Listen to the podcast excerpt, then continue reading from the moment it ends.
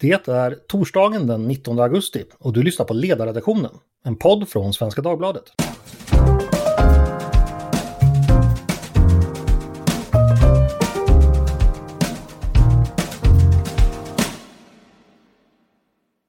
Varmt välkomna ska ni vara. Dagens ämne handlar om någonting så intressant som kungligheter och samtiden. Vi ska diskutera hur kungligheter, eh, dessa representanter för kontinuitet och värden bortom det dagsaktuella, ska hantera, eller brukar hantera, ideologiska och politiska förändringar i samhället. Och med mig för att göra det har jag eh, Susanna Popova, journalist och författare, också medarbetare på ledarsidan. Välkommen hit Susanna! Tack så mycket! Och Paulina Neuding, eh, vår vikarie som i sommar har varit eh, kvinnan bakom sommarens intervjuserie. Välkommen hit Paulina! Tack så mycket! Hörrni, eh, vi ska hoppa rakt in eh, i hetluften och anledningen till att vi kom på att det här var ett ämne som kanske borde diskuteras. Eh, Prins Harry, eh, den brittiska lillprinsen, eh, the Dutch of Sussex, och hans maka Meghan eh, lever ju sedan några år tillbaka i USA.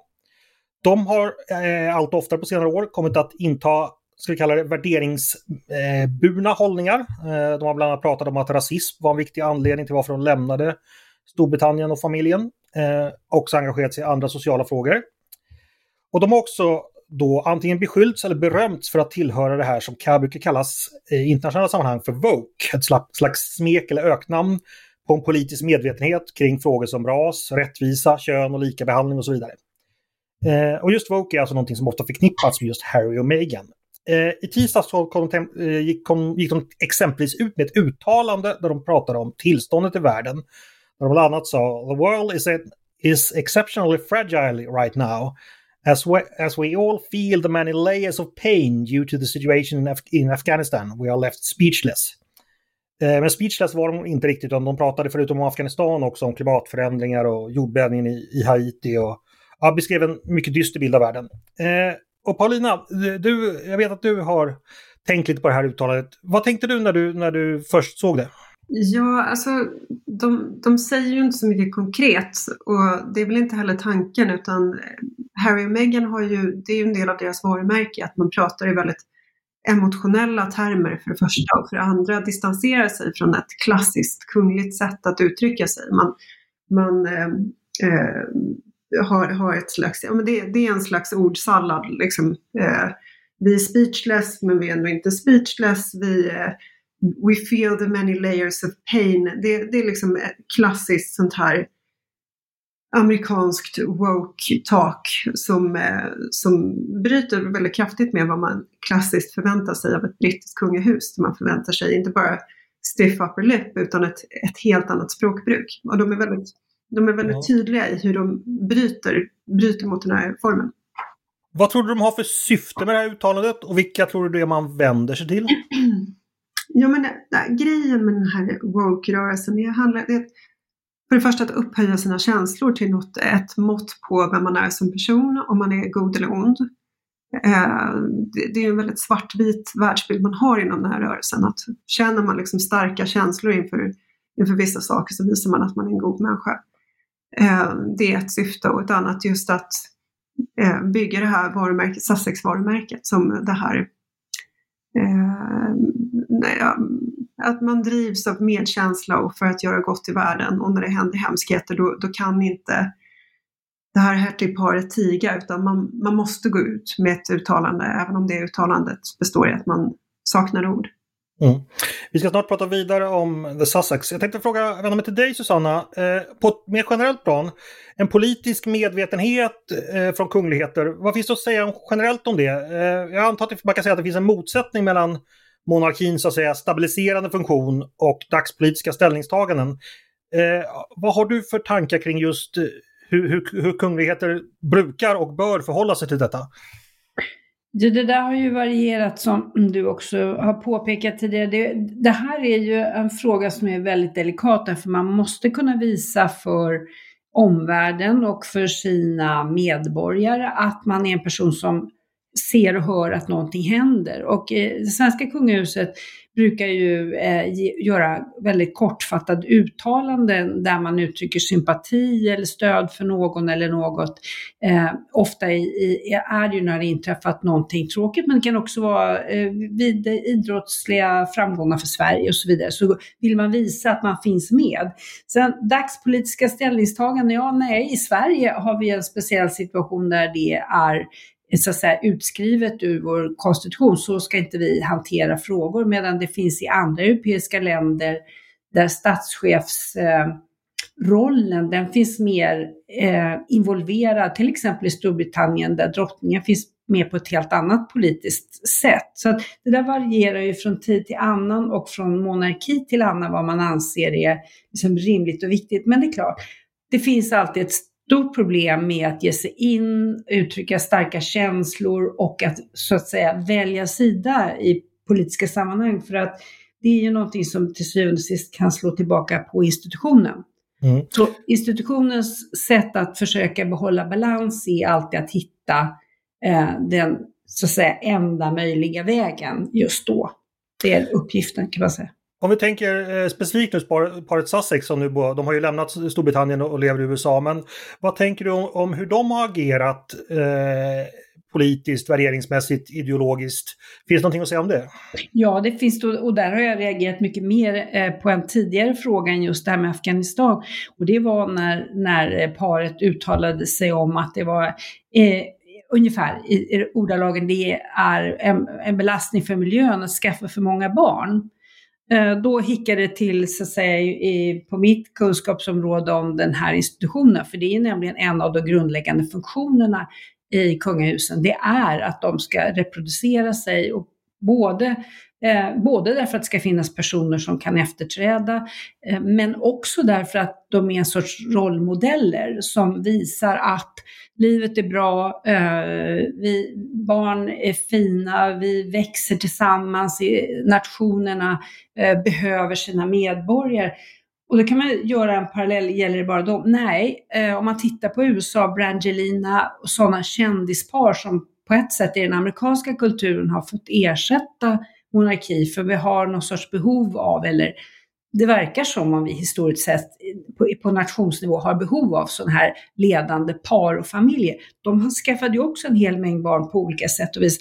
Så att det, det, när, just när paret Sasek gick ut och uttalade sig om att man inte skulle ha för många barn, då tänkte jag att här är, saknas det nog både kunskap och strategi och eh, som du var inne på Paulina, eh, de är säkert mycket mer ut och bara varumärkesbygger, vilket ju för dem ganska långt bort från många andra kungligheter. Ja. Jag, jag tvivlar inte på att de, jag skulle ha sagt det där Andreas när du frågade vad, vad de vill uppnå. Jag tror att det viktigaste är att de vill göra gott. Så jag tror att de har kommit fram till, det finns inte skäl att tvivla på att de har kommit fram till att nu har vi den här plattformen, vad kan vi göra? Men vi kan viga våra liv åt att göra gott. Eh, problemet är att de har en så väldigt eh, stark politisk tolkning av det och de bryr sig inte om att eh, den konstitutionella monarkin sätter gränser för hur politisk en medlem av kungahuset kan vara. Eh, och det finns, ju, det finns ju ett problem där, om man blir politisk som medlem av kungahuset, då rör man sig bort från den konstitutionella monarkin till någonting som är betydligt mer auktoritärt. Alltså våra monarkier är ju inte vi är ju inte gulfstater som styrs av, av, av eh, kungliga klaner utan vi, vi har ju liksom, det finns ju skäl till att monarkin står en bit ifrån politiken och ska ge sig in eh, i politiken. Men det här förstår inte hertigparet av Sussex. Är det inte så att det finns ett större problem här, det vill säga att eh, frågor som är politiska inte alltid förstås som det idag? Exempelvis där att, att vara mot rasism och att vara mot klimatförändringar, att vara mot orättvisor. Det är ju inte politiskt, det är ju bara normal anständighet. Eh, om jag vänder mig till dig Sanna, är, är det, finns det liksom en naivitet här kanske att man inte alltid inser att man ger sig in i vad som i praktiken är getingbon fast man tycker att det bara låter bra och okontroversiellt? Jo, så kan det eh, absolut vara. Och det, jag skulle vilja säga om det, tycker jag att det är en generationsfråga. Det känns som att generation efter generation måste upptäcka att de ställningstagande den generationen gör spontant, det är liksom inte eh, naturlagar som alla människor måste rätta sig efter eller någonting i den stilen. Det krävs att man växer upp en smula för att kunna delta i en samhällsdebatt på ett moget sätt och kanske eh, medverka till riktig kunskapsutveckling. Jag, jag kan tycka att det där är en ungdomsfråga. Men för att knyta tillbaka till hertigparet av Sussex så måste jag säga att dels har de ju tagit kliv bort ifrån eh, så att säga, det, sedan de kungliga roller de hade och sen, fast de fortsätter att utnyttja plattformen delvis. Och sen så finns det också en amerikansk-europeisk dimension i det här tycker jag, där eh, eh, vi har sett det här tidigare med Wally Simpson och eh, hertigen av Windsor, där, där det fanns ju precis den här oförståelsen mellan den amerikanska och den europeiska kulturen. Och det är någonting komplicerat att som en vanlig dödlig, om man får använda det uttrycket, komma in i kungliga miljöer och förhålla sig där och hitta en plattform där. Det är något ganska komplicerat och, och det försvåras av att man kommer från två helt olika kultursfärer skulle jag säga. Så om man bara ska, jag tycker inte att de är ett riktigt bra exempel på hur monarkier och kungligheter hanterar sin samhällsroll egentligen. De har mm. lämnat på ett sätt och ja, bygger lite av en Hollywood-karriär skulle jag Jo, men samtidigt, alltså kopplingen till det brittiska kungahuset finns ju med där. De hade ju inte varit de de är om de inte hade varit det, det de är så att säga. Liksom. Så att det, det går ju aldrig att riktigt göra sig av med den kopplingen tänker jag. Ja, men det är väl lite äta kakan och mm. säga, ha den kvar. Så är det. Eh, jag tänkte fråga så här, kungahus eh, har ju alltid har naturligtvis en politisk roll. Eh, tidigare innan de så att säga tystnade i samhällsdebatten fungerar de ofta som ja, konservativa kanske inte, någon form av konservativa ankare genom sin blotta existens. Kan det finnas en motsättning idag att konservativa idag har högre förväntningar på att kungahuset ska agera på ett visst sätt och bli så att säga, känns lite besvikna eller svikna ifall kungahus och kungligheter intar mer progressiva hållning. Eh, Paulina, vad tänker du om det? Ja, det är mycket möjligt att det finns sådana förväntningar. Och sen så jag, jag tänker på att vi är så... I Storbritannien finns ju en väldigt stark och levande debatt om vad kungahuset ska vara för någonting. Eh, monarkin är väldigt, väldigt populär. Man ser också, jag såg bara häromdagen på, i Times of London så var det en ledartext om eh, hertigen av York och vad han borde göra och inte göra. Så det finns en väldigt stark och levande debatt om hur det borde vara. Medan i Sverige så har det är nästan lite så här töntigt att ha åsikter om monarkin. Det, det, det, det är som att ägna sig åt skvaller eller något liknande. Fast vi har en konstitutionell monarki så har vi inte riktigt en diskussion om vad den borde vara och vad den borde stå för. Men det tycker jag är jätteintressant att du tar upp Paulina, för att jag, jag jämför också ofta situationen i Sverige med den i Storbritannien. Och det, dels kan man konstatera att det är ett stort land, men det är också ett land som har en bra medvetenhet om sin bakgrund och sin historia. Och sen så finns det människor på akademisk nivå som har sysslat med monarkins betydelse. Så när det förs samtal så finns det möjlighet att höja den lite grann, en aning över Svensk Damtidning, eh, mm. vilket den ju ibland halkar tillbaka till här. Eh, det är möjligt att det finns ett frö nu till förståelse när Sverige har förändrats stort efter 2015 vi måste ställa frågor om vilka är vi, vart är Sverige på väg? Så finns det kanske en möjlig öppning att se den stabiliserande rollen som ett kungahus har. Och det är egentligen en av de stora funktionerna, att vara ett tydligt eh, ankare bakåt i historien till var vi kommer ifrån och sen på sitt sätt med de begränsningar som finns kunna visa på hur kan vi tänka om framtiden. Så att det, jag, jag, jag, jag hoppas på en, en, mer intressant diskussion framöver om, om eh, den svenska monarkins betydelse. Mm. Det har ju hänt lite i debatten också eftersom både Expressens ledarsida och Dagens Industris ledarsida har kommit ut väldigt starkt för monarkin.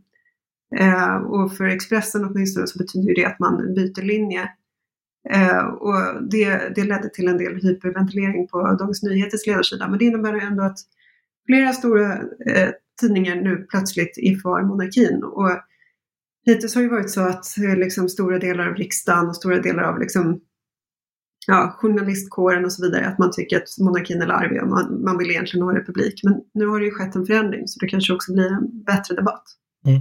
Ett inspel från mig där, eh, alla vi som arbetar med rådgivning åt näringslivet i, kommunikativa frågor vet ju vilken stor, reell och praktisk roll kungahuset spelar i, i kontakter utomlands. Det där är väl allmänt känt bland folk, men jag tror inte för folk förstår liksom hur verkligt ska man säga, det, det är väl, hur konkret det är och hur, hur man resonerar kring kungahuset som just när det gäller kommunikation för svenskt näringsliv. Mm. Eh, jag tänkte eh, fråga, kan det vara så, eh, det här kanske är lite banalt, men tv-serien The Crown har ju setts av många. Den ger ju en förenklad och populariserad bild av hur kungahuset förhåller sig till, verkligheten. Men där tas ju ändå en del av de här frågorna upp. Just kungahusets roll, hur man ska förhålla sig. Kan kanske den ha lett till större förståelse till för vilka avvägningar och principer som kungahuset i Storbritannien har haft att laborera med i alla fall. Vad tänker du Susanna? Ja, det tror jag absolut att det har. Den är väldigt välgjord och den, eh, man får alltid diskussioner, var det verkligen det här som hände när man skriver dramatik? Men, men den eh, är övertygande dramatik och det betyder att den på ett plan fungerar som identifikation för den som ser den och, och den har rönt enormt intresse. Jag tror återigen att det kan vara ett tecken på den stora volatilitet som har funnits i Europa under de senaste åren, där man försöker titta vad är det som gör att eh, människor håller ihop, vad är det som gör att ett samhälle fungerar. Och där finns det ju då, för att vända lite grann på den här politiska frågeställningen, finns det ju en stor fördel för det svenska kungahuset som faktiskt står utanför politiken och om man vill uttrycka sig så, kanske till och med står lite ovanför politiken och kan fungera sammanhållande för ett land som är utsatt för stark press. Och det tror jag att eh, de så att säga antimonarkister bortser till stor del från, från den kittfunktion som kan finnas i kungahus som inte själva spelar bort allting. Sen finns det ju också naturligtvis, som vi varit inne på, snuddat vi här idag, eh, personer som innebär en belastning i någon bemärkelse för kungafamiljerna. Fast då finns det också det intressanta, det här är inte bara en institution, det här är också en familjekonstellation. Och i alla familjer så finns det de som försöker hålla ihop och så finns det de som inte bryr sig och därmed också mer bryter ner eh, relationer. Så att det finns olika roller som vi som står utanför kan identifiera oss med, vilket också tror jag är en viktig aspekt. Mm. Plocka upp en sak från det där, det du säger om eh, det som har hänt i Europa och i Sverige det senaste decenniet. Vi har haft diskussion, vi har haft stor migration, vi har haft diskussion om svenskhet, om samhörighet, om identitet. Identitetspolitiken är på frammarsch. Paulina, vad tänker du om eh, Susannas tes, om jag tolkar det rätt, att kungahuset ändå kan ha en roll att spela i den diskussionen, både som exempel och, och kanske någonting och, inför framtiden att bygga någonting kring? Ja, som en samlande symbol för nationen och som, eh, som skapar en kontinuitet framåt och bakåt. Eh, absolut. Eller tänker du på något? Nej, det var det jag tänkte på, ja. alltså vilka roller skulle kunna spela. Eh, det är väl också i sig en känslig politisk fråga ifall man ska börja liksom eh, det talas ju ibland om att vi, behöver fler, någon, någon, form av mjuk nationalism nu för att samla ett splittrat folk. Men det är ju inte heller eh, helt okontroversiellt och det har ju också sina risker och nackdelar. Så att, eh, men frågan är kanske kungahuset skulle kunna vara ett exempel på den typen av ja, motsvarande litteraturkanon i skolan eller något sånt, alltså någonting som, som ändå människor som är väldigt olika ändå kan hitta någonting i och spegla sig i. Jag vet inte, jag tänker högt. Alltså, det som är grejen med woke-generationen är att man gärna vill tänka sig att man befinner sig i något slags moraliskt år noll. Mm. Att eh, för 20 år sedan så så tyckte väldigt, väldigt många människor att eh, samkönade äktenskap var väldigt kontroversiellt och de människorna kan vi inte överhuvudtaget eh, förhålla oss till för att de är så moraliskt, de står moraliskt så långt ifrån oss. Det, det är som att allting som inte sker just nu, här och nu, där, där vi befinner oss är, eh, eh, är fel och dåligt och omoraliskt helt enkelt. Och det är det, alltså, det, det här med att slänga ut gamla texter och författare och konstnärer och allt det här som man håller på med i den här woke kulturrevolutionen. Eh, monarkin står ju för någonting annat. Det är, man, man går tillbaka till kungens farfar och farfars far. Då är Sverige fortfarande... Eh, alltså går man tillräckligt långt tillbaka i tiden så, så är inte Sverige demokratiskt, det är inte den demokrati det är idag och så vidare. Alltså det, det, är en helt annan värld, det är helt andra värderingar men det finns ändå ett släktskap till oss. Det finns ändå ett starkt band och vi måste ha en förståelse för, för hur det var då. Och Och genom den här familjen som personifierar en, en historia som är föränderlig så får vi kanske någon slags förståelse för att ja, men det finns inga skarpa brott mellan nu och då, utan det finns en kontinuitet och det finns någonting som binder oss samman. Min favorit just när det gäller det där, det är ju att vår kung som lite nyfödd hölls ju i armarna av kung Gustav V då som var kung då. Han i sin tur hölls ju som barn i armarna av eh, Karl XIV Johans änka eh, Desiree som var alltså född i Paris före franska revolutionen. Att på bara de här tre personerna så finns det liksom ett enormt tidskap på 250 år i samma familj där man liksom har haft direkt fysisk kontakt med varandra. Det tycker jag är lite fantastiskt. Mm. Susanna, vad skulle du säga? Jo, demokratiaspekten där, det är ju om man uppfattar det här som att vi har ett antidemokratiskt inslag i Sverige eftersom vi har ett kungahus så, så är det ju bara en okunnig, eh, så att säga, ett, ett okunnigt ställningstagande därför att det här är beslutat i demokratisk ordning och det här går att upphäva om man får en eh, en majoritet bakom ett sådant förslag. Mm. Och då måste man ju fråga sig varför är det inget av de här partierna som driver den här frågan, de som har en republikansk agenda? Ja, det är därför att de vet att det finns en sån bedövande majoritet eh, för att behålla monarkin. Och sen kan man börja eh, nysta i lite grann varför det. Och kortversionen av det är säkert att utan att människor gör djupare analyser av monarkins betydelse för oss eller, eller överhuvudtaget, så kan man spontant känna att vad är alternativet? Ja, alternativet är eventuellt ett statsministerpar. Eh, verkar det som att det här är en bra fråga att skicka ut några som sitter på fyra år, aldrig har tränat på saken och representerar Sverige i världen och dessutom försöka fånga eh, det som är vår samhörighet när de då också representerar ett parti. Nej, antagligen inte. Och på det sättet finns en spontan monarkistisk eh, mylla som eh, Republikanerna sällan vill gräva i. Därför att de kommer inte hitta så mycket användbart, är min tolkning. Jo, och, och kungahuset står ju för en nationell samhörighet bortom det politiska och en samhörighet över tid. Och det är det ja. som är så, så skönt med att ha en monarki, att man behöver inte Eh, speciellt inte i en tid där vi, där vi är så uppdelade politiskt så behöver vi inte liksom irriteras i fyra år över att den, den andra gruppens kandidat vann utan det, det är eh, statschefen står för någonting gemensamt och beständigt över tid. Mm. Ja, en stor fördel um, tror jag för alla inblandade parter. Sen så tycker jag det finns en annan fråga här som skulle vara intressant att beröra, nämligen det här med att det um, hur, hur, hur samhällsengagerat kan ett kungahus vara? Hur mycket får kungen och drottningen, kungafamiljen uttala sig? Och det där är ju, det där är avvägningsfrågor. Det finns inget eh, facit som säger att det, det, där är rätt och det där är fel. Um, jag tycker det finns ett, det där citatet i Leoparden av Lampedusa, om vi vill att allt ska bli, förbli som det är så måste allting förändras gäller, har jag funderat mycket på när det gäller kungahus. För att det är en fin balansgång att visa att man är med, men också behålla och inte slänga ut någonting av det som är av värde bakåt. Det är inte alltid man kan se och bedöma det, men det är en av de färdigheter som man, om man eh, är medlem i kungahus, tränas in i. Och det där tycker jag är väldigt intressant på, på en samhällsnivå också. Det visas ju lite, inte minst i The Crown, där hur man förhåller sig just till när drottningen håller sitt första tv-sända tal och så vidare. Liksom att ibland, man måste naturligtvis hänga med sin tid, men samtidigt finns det då värde i att en viss kontinuitet. Eh, ja, Paulina, vad skulle du säga? Jo, Susanna, du kan det här bättre än jag, men hur var reaktionerna när, när drottning Silvia började engagera sig mot eh, övergrepp på barn? Det var, det var ju väldigt kontroversiellt då att hon gjorde det.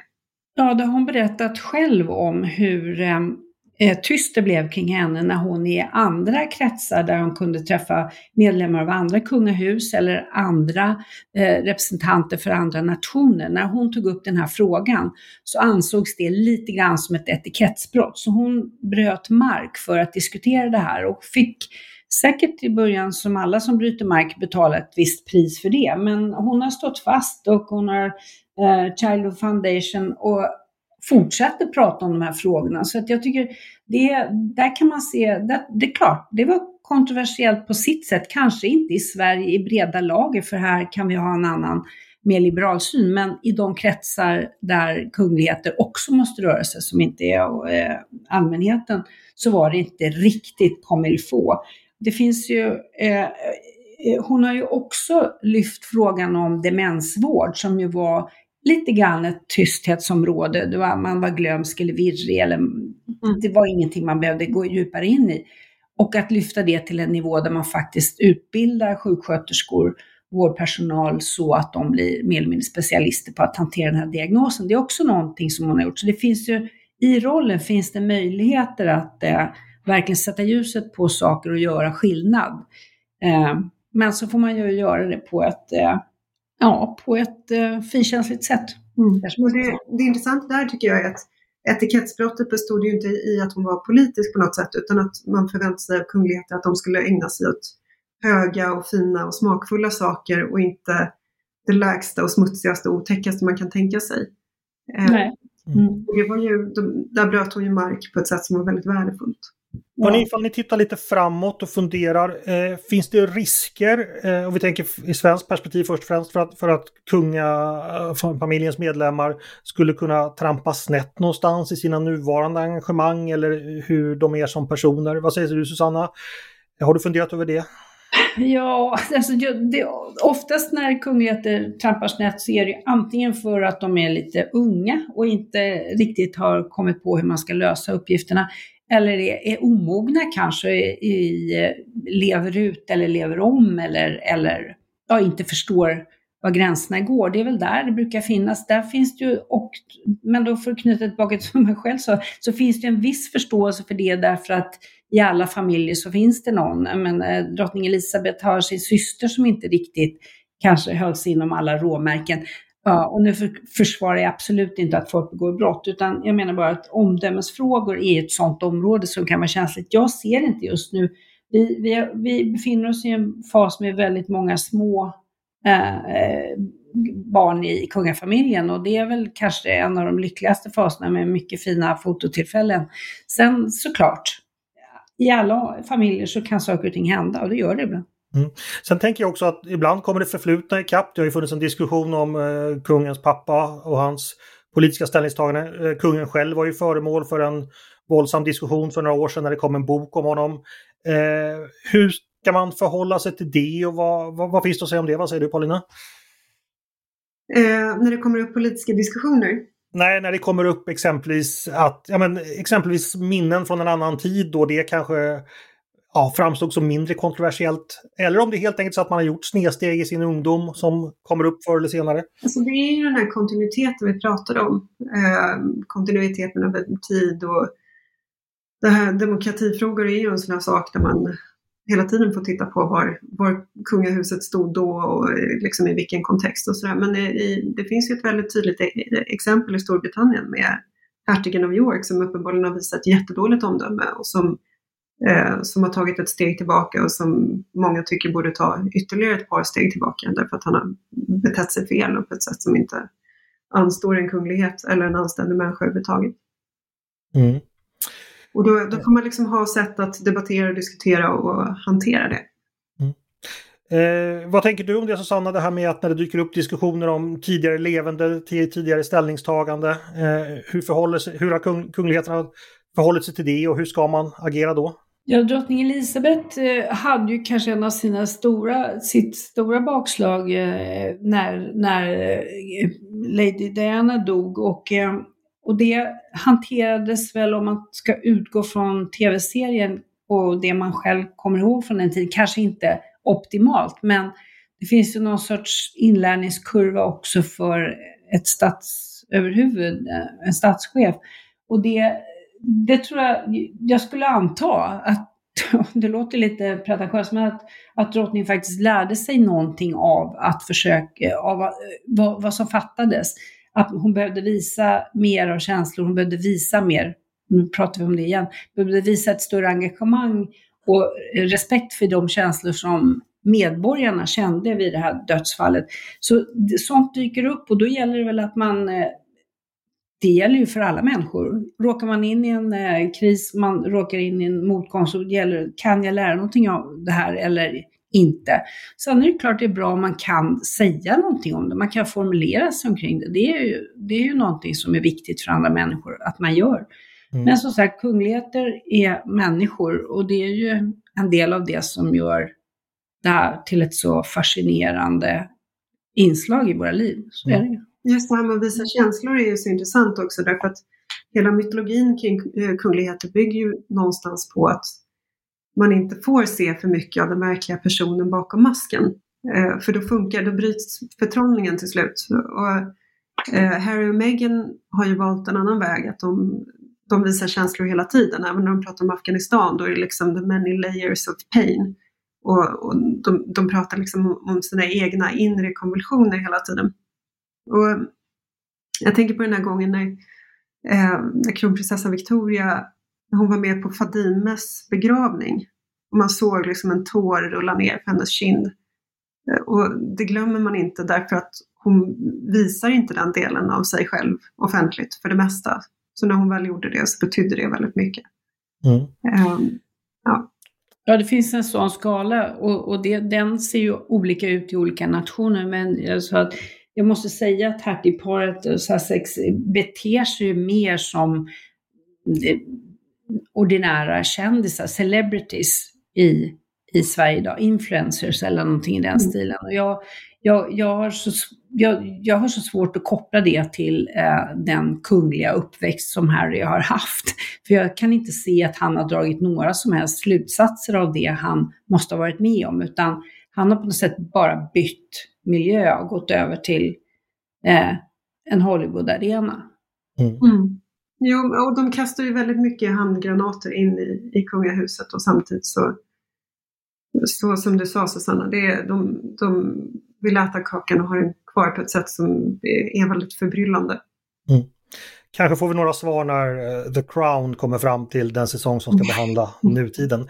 Hörni, stort tack för att ni var med, uh, Susanna Popova och Paulina Neuding. Jättekul att ha er med. Tack, tack så mycket. Tack. Och tack till er som lyssnat. Eh, innan vi slutar ska jag bara passa på att tipsa om vår grannpodd på Svenska Dagbladet, eh, nyhetspodden Dagens Story. En kvart varje dag får ni en fördjupning i ett aktuellt ämne. Eh, det ni lyssnar på nu det är ledarredaktionen. Eh, varmt välkomna att höra av er till redaktionen med tankar och synpunkter på det vi har precis diskuterat. Eller om ni har idéer och förslag på saker vi borde ta upp i framtiden. Eller om ni tycker vi har varit för elaka eller för snälla mot eh, paret Sussex. Bara att mejla till ledarsidan snabla svd.se. Dagens producent, han heter Jesper Sandström och själv heter jag Andreas Eriksson. Jag hoppas att vi hörs igen snart.